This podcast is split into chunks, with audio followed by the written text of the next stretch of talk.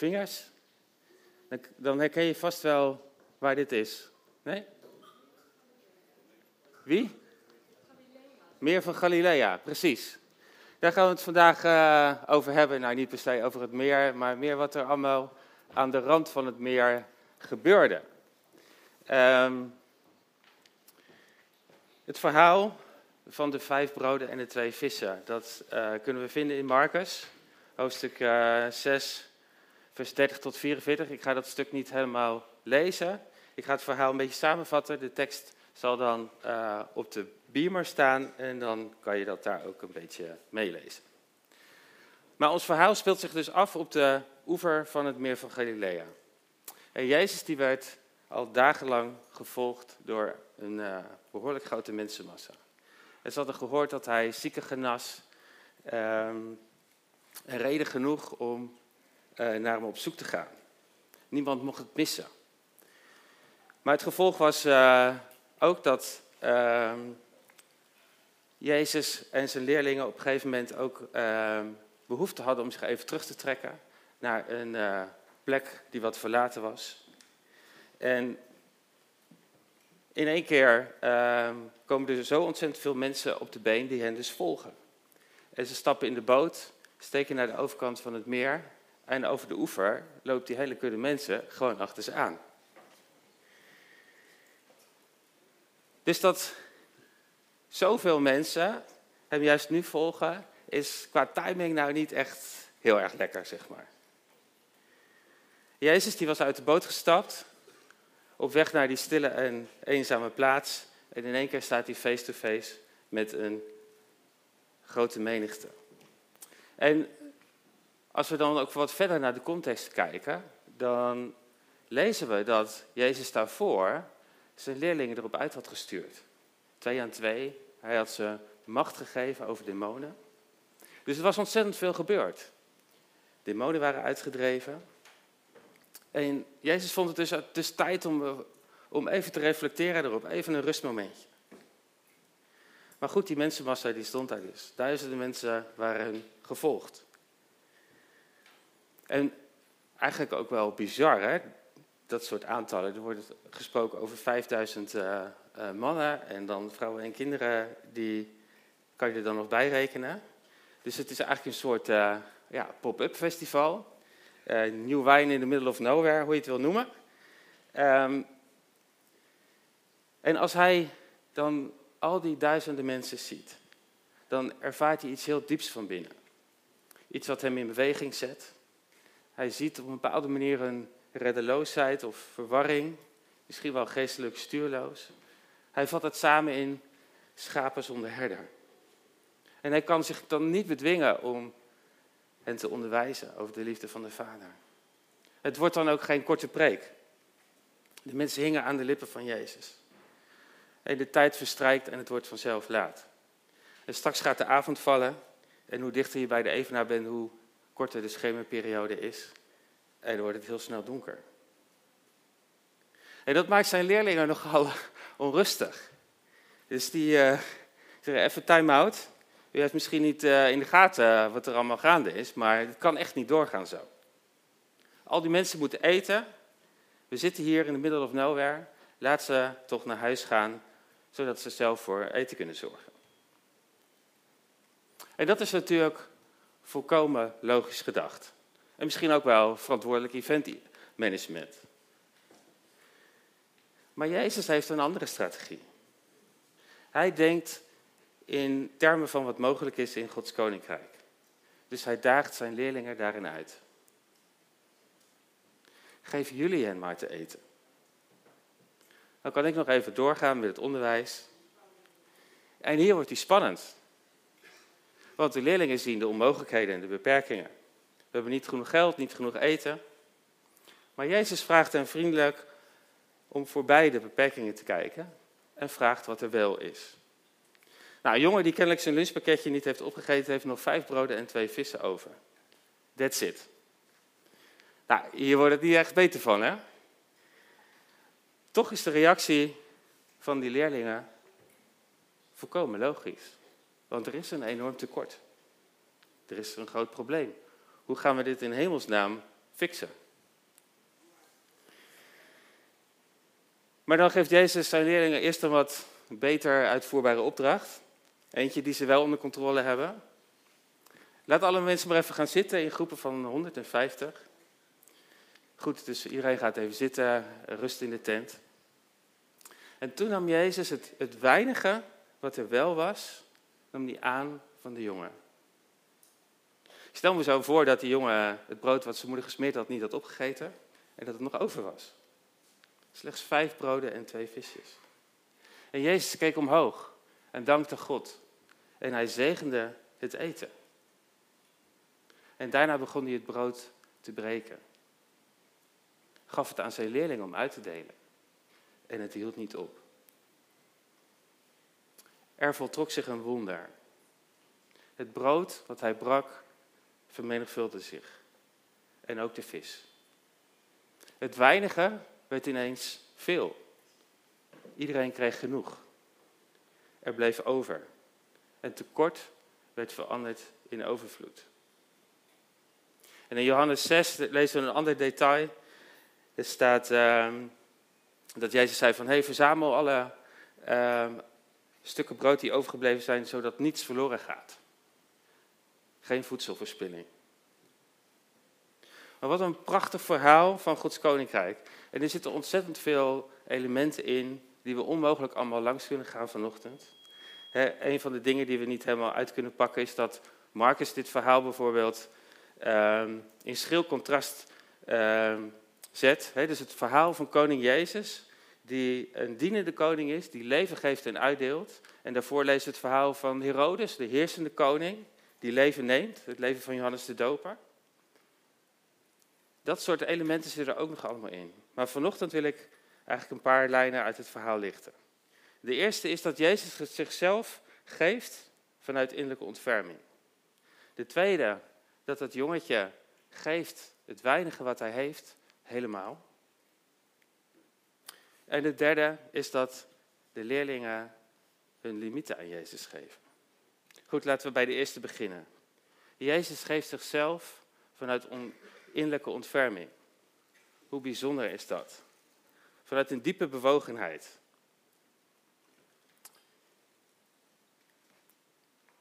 En alle mensen die daar zijn, die verlangen wel iets van hem. Sommigen willen misschien een wonder zien. Anderen komen misschien voor zijn frisse onderwijs. Weer anderen die zijn met een groep meegekomen en die komen misschien wel voor de gezelligheid. Maar Jezus lijkt niet zo heel erg bezig te zijn met hun verlangen waarom ze hier zijn. Of waarom ze er überhaupt zijn. Hij kijkt met geestelijke ogen naar hun echte nood. Hij ziet hen als schapen zonder herder.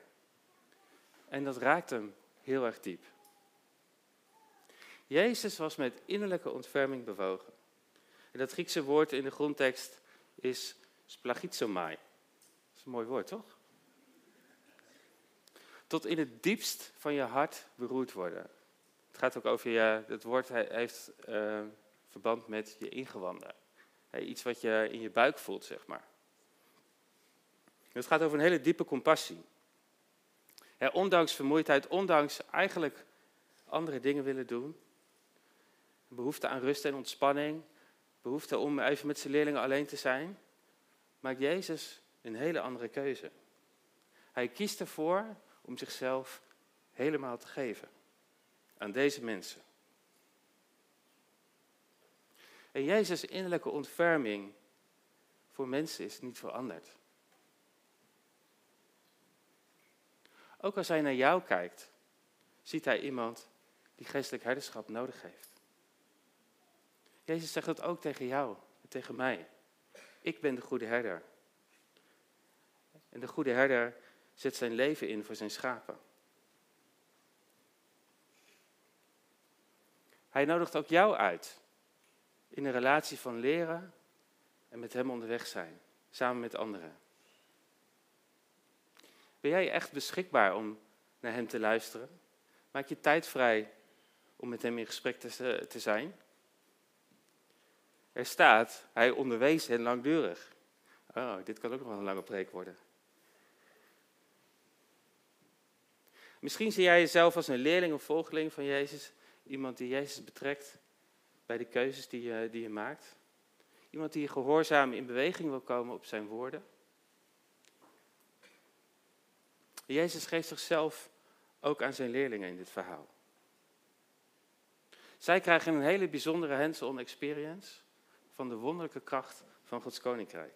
Het gebeurt onder hun neus. Ze zijn integraal onderdeel daarvan. Hoe gaaf is dat? Want wanneer zij uitdelen wat Jezus gezegend heeft, houdt het niet op. En ineens is er meer dan genoeg. Jezus geeft zichzelf en zijn koninkrijk op een hele wonderbaarlijke manier en betrekt zijn leerlingen daarin. In die ervaring. Hij wil het samen met hen doen. Dat is zijn verlangen. En ook nu daagt Jezus jou en mij uit, net als de leerlingen, om met hem samen te werken in zijn koninkrijk. Kom en volg mij. Jezus geeft zichzelf ook voor jou. Steeds opnieuw. Volledig. Helemaal. En wat Jezus in jou zegent, heeft de kracht om te groeien. Om te vermenigvuldigen. Als jij jezelf geeft. Dat vraagt op een bepaalde manier ook om in te stappen. Dat vraagt om stappen van overgave. Of een primaire keuze om steeds Gods koninkrijk te zoeken. Goed, dan gaan we naar ons tweede punt. Het jongetje. Hij geeft het weinige wat hij heeft helemaal. Dat leert ons iets over overgave. Want die jongen met die vijf broden en twee vissen, die had ook iets anders kunnen doen. Hè? Hij had ook kunnen denken van nou, ik, uh, ik geef het maar niet. Want het is toch niet genoeg voor iedereen. Wat heeft het voor zin? Kijk eens naar al die mensen. Ik hou het gewoon uh, voor mezelf en dan bewaar ik het wel voor later. En ja, weet je, ze moeten het ook zelf maar oplossen. Daar ben ik toch niet verantwoordelijk voor. Of misschien wel van ja, ik, ik geef het wel maar, maar, maar. Maar dan wil ik dat Jezus wel eerst gaat kijken welke mensen dan het meeste honger hebben, het meeste nodig hebben. Misschien zijn er armen die helemaal geen eten hebben. Maar dat is allemaal niet wat de jongen doet. Het weinige wat hij heeft, geeft hij helemaal. Alles. In geloof dat Jezus ermee kan doen wat hij wil. Hij zal het vast beter weten. Nou, vandaag kunnen we dat ook toepassen op ons eigen leven. Er zijn veel mensen in deze wereld die hongeren en dorsten naar gerechtigheid. En Jezus vraagt aan jou, aan ons, aan mij, hoe gaan we dat samen doen? Je mag reageren. En dan kan je net als de jongen uit het verhaal op drie manieren reageren. Misschien nog wel meer, maar laten we het even bij deze houden. Ik, ik, geef, ik geef me niet. Je denkt misschien, ja, Jezus kan mij vast niet gebruiken in zijn koninkrijk. Ik zou niet weten wat hij met mij moet doen. Ik ben niet goed in dit en niet goed in dat. Ik ben eigenlijk ook niet zo heel gelovig. Ik twijfel best wel veel. Anderen zijn veel geschikter. En ja, ik uh, geloof gewoon thuis voor mezelf in God. En meer, meer heb ik op dit moment niet. Zo, zo, zo kan je erin zitten. Of ik geef me wel, maar wil mezelf wel helemaal overgeven aan God. Maar ik zou dan wel graag dit en dat willen doen voor God, want daar ben ik goed in. Dus ik denk dat God me daar wel voor kan gebruiken. En uh, ik zou dat dan ook voor zoveel tijd willen. Naast mijn baan en gezin en vrienden en, en mijn hobby's. Want het moet wel in mijn agenda passen. Of kunnen we op een plek komen, zoals die jongen, dat hij het weinige wat hij had helemaal gaf. Een plek waar je zegt, ik, ik geef me aan u, Jezus. U mag met mij doen wat u wilt. U mag op de troon zitten van mijn leven. En u mag, net als het brood gebroken werd, u mag mij breken. En breken. En uitdelen. Zodat er vermenigvuldiging ontstaat. zodat hongerige harten verzadigd worden. In het vertrouwen dat wat Jezus in jou begonnen is, hij ook zal afmaken. Dat brengt ons bij het derde en laatste punt. De leerlingen geven hun limieten aan Jezus. Zo heb ik dat genoemd. Even een stapje terug. Fijn dat jullie mee bewegen. Daar ben ik altijd wel van afhankelijk. Dan zoomen we even in op de leerlingen van Jezus en een onmogelijke opdracht. Zoals ik al aangaf, het is volstrekt normaal om te denken zoals zij dachten. En ik geloof ook niet dat Jezus nou heel kritisch is op hun gepuzzel en hun gedoe en, en, en hoe ze proberen zijn opdracht vorm te geven. Ik heb helemaal niet het idee dat hij dat afkeurt. Hij laat hen worstelen met de mogelijkheden, met de onmogelijkheden die ze zelf zien. En hun conclusie is, het kan niet gaan, niet wil niet. En op een natuurlijke manier hebben ze daar natuurlijk ook een punt. Maar je ziet dan eigenlijk dat Jezus hen in een soort crisis brengt. Ze worden onrustig, er is niet genoeg geld, er is niet genoeg tijd, niet genoeg eten, het wordt donker, we moeten verantwoordelijkheid nemen, leiderschap tonen, anders gaat het fout en misschien hebben wij het dan wel, dan wel gedaan. En dit hele proces brengt hen op een bepaalde manier in contact met hun limieten, met hun beperkingen en hun onmogelijkheden. En als we op dat punt komen in ons leven, dan is dat eigenlijk best wel vruchtbare grond. Jezus daagt, hen uit om zijn, eh, daagt zijn leerlingen uit om door deze omstandigheden hun eigen strategieën los te laten. En dan komen ze in die crisis. Ja, hoe, wat dan wel? Er is zoveel nodig, er is zoveel tekort. En ze willen Jezus' opdracht om die mensenmassa te eten geven, te voeden, serieus nemen. Maar hoe dan? In hemelsnaam, hoe? In gesprek met elkaar komen ze er niet uit. En het enige wat er wel is, is niet genoeg. Dat is overduidelijk. Maar door deze uitdaging die Jezus bij je neerlegt, komen ze op een onbewust niveau in een crisis terecht die hun eigenlijk in contact brengt met hun eigen ontoereikendheid. Met hun verantwoordelijkheidsgevoel.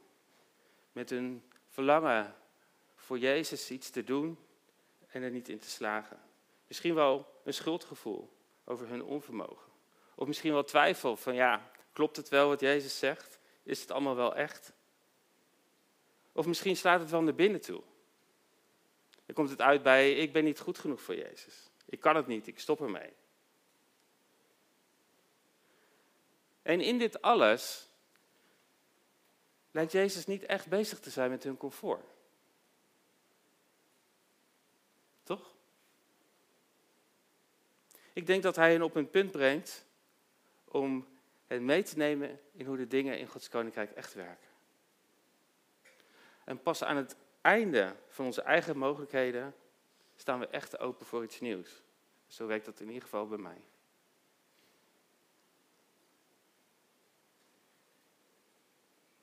We hebben onze strategieën en die zijn op zich niet verkeerd. Hè? Daar, daar, gaat dit verhaal niet over. Het, het gaat niet over een goed-fout denken of zo.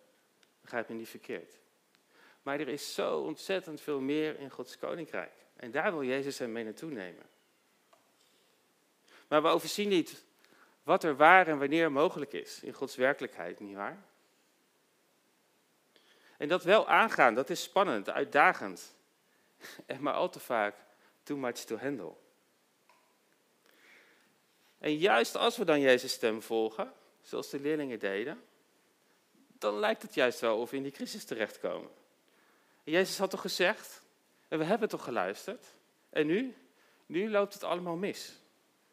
Hoe dan? Waar, waar is zijn voorziening? Waar is hij? En vaak hebben we soms een veel te eenvoudig en misschien ook wel naïef beeld van Gods koninkrijk. En denken we dat we dit soort worstelingen kunnen overslaan. We, we vergeten dan dat Jezus zowel aan het werk is in de hijs als in de loos. Zowel de crisis als de overwinning heeft hij volledig in zijn hand. En niets van wat er gebeurt, dat schiet hem uit de klauwen. Ook al voelt dat soms wel zo. In de loos kunnen we ontzettend uitgedaagd worden in relatie met hem. Maar ook in de hijs. Blijven we God dan wel zien als bron. In de, in de loos ligt misschien twijfel, ongeloof op de loer. En in de hijs worden we misschien wel overmoedig. Dat is toch wel uh, cool, hè, wat, uh, wat ik uh, gedaan heb. Maar goed, in alles wat er allemaal gebeurt, lijkt het Gods bedoeling om aan het karakter van zijn leerlingen te werken. Zodat hij veel meer door hen heen kan doen. En meer nog dan wat hij de mensenmassa meegeeft in zijn onderwijs, is hij zijn team van leerlingen dingen aan het leren. Niet zozeer door zijn woorden, maar door ervaringen. Diepe lessen die ze nooit meer zullen vergeten. Dus zowel de crisis als de overwinning heeft hij volledig in zijn hand. En dat is soms zo moeilijk te pakken. En Jezus kan zichzelf nog veel dieper geven als we met onze beperkingen echt bij hem durven komen. Hele mensenmassa's waren hem gevolgd om de huis van Gods koninkrijk. De wonderen, de tekenen, de frisse wind van zijn uh, onderwijs. Ze waren echt onder de indruk en terecht. Maar uiteindelijk was er maar een handjevol mensen over die zich echt wilden identificeren met een Jezus die stierf aan het kruis. Maar God had zowel een bedoeling met de loof van het sterven van Jezus aan het kruis, voor onze zonde, voor vergeving, voor herstel, als de haai van de opstanding, waarin zijn kinderen mogen delen in een nieuw leven met en bij God. Maar voor zoveel mensen was deze smalle weg echt te smal gebleken. En hoe, hoe zit dat bij ons? En veel van onze gebeden zijn een bepaalde manier gericht op herstel van comfort, nietwaar? We vragen God in te grijpen en de veranderingen waar we doorheen gaan, om die terug te draaien of in ieder geval op te lossen. En dat is wat we onszelf en elkaar gunnen, nietwaar? Dat is menselijk, uh, menselijke ontferming, mededogen. Maar de vraag is dan, of we echt gericht zijn op Gods wil. Voor onszelf, voor de ander. Nou, zeg het maar. Kan je niet helemaal zeggen, toch? Maar wat als God nou alle dingen in ons leven gebruikt? Ook de dingen die wij als negatief en moeizaam ervaren. Zelfs misschien wel de dingen die de vijand op je afstuurt. Gieren God niet uit de klauwen. Ik gebruik die metafoor klauwen omdat Jezus ook als leeuw, als krachtige leeuw, wordt beschreven in de Bijbel. En hoe zouden wij anders om kunnen gaan met dit soort situaties? Hoe zouden we anders kunnen bidden? We hebben Gods leiding en wijsheid echt nodig. Ik denk dat we meer mogen bidden om Gods wil en de uitkomst die Hij voor ogen heeft. We mogen zegenen wat God aan het doen is. We mogen Gods bestemming zegenen in het leven van de ander, zonder precies te weten wat dat is. En Jezus leert ons bidden met de dimensie van de hemel als vertrekpunt. Laat uw koninkrijk komen en uw wil worden gedaan. In de hemel en ook hier op aarde. En die leerlingen die wisten dat, want ze hadden eh, aan hem gevraagd, Heer, hoe moeten we bidden? Jezus had het hun geleerd. In het evangelie van Marcus komen we nog een verhaal van een wonderlijke broodvermenigvuldiging tegen. En na dit tweede verhaal uh, stapt Jezus met zijn leerlingen in de boot. En dan varen ze naar de overkant. En dan is het eigenlijk interessant om te zien of ze eigenlijk al in staat zijn om wat ze gezien en geleerd hebben, om dat ook zelfstandig in de praktijk te brengen. Um, dat kunnen we lezen in Marcus uh, eh, 8, vers 14. De leerlingen hadden vergeten genoeg brood mee te nemen. Ze hadden maar één brood bij zich in de boot. Ze hadden het met elkaar over dat ze geen brood hadden. Toen hij dit merkte, Jezus, zei hij: waarom praten jullie erover dat je geen brood hebt? Begrijpen jullie het dan nog niet? En ontbreekt het jullie aan inzicht? Zijn jullie dan zo hardleers? Jullie hebben ogen, maar zien niet. Jullie hebben oren, maar horen niet. Poeh. Is dat herkenbaar? Ze, zijn er nog niet. Er is nog ruimte voor groei, laten we het zo uh, samenvatten. De, de leerlingen hebben echt nog moeite om die dimensie van Gods koninkrijk te zien. En, en van daaruit te denken en te handelen. En dat, dat is ook helemaal niet zo eenvoudig. Ze hebben gewoon nog meer nodig van Jezus in hun hart. In hun denken en in hun doen. En we zien dat pas echt op gang komen als de Heilige Geest is gegeven. Dan, dan komt dat bovennatuurlijke hemelse perspectief soort met van binnenuit.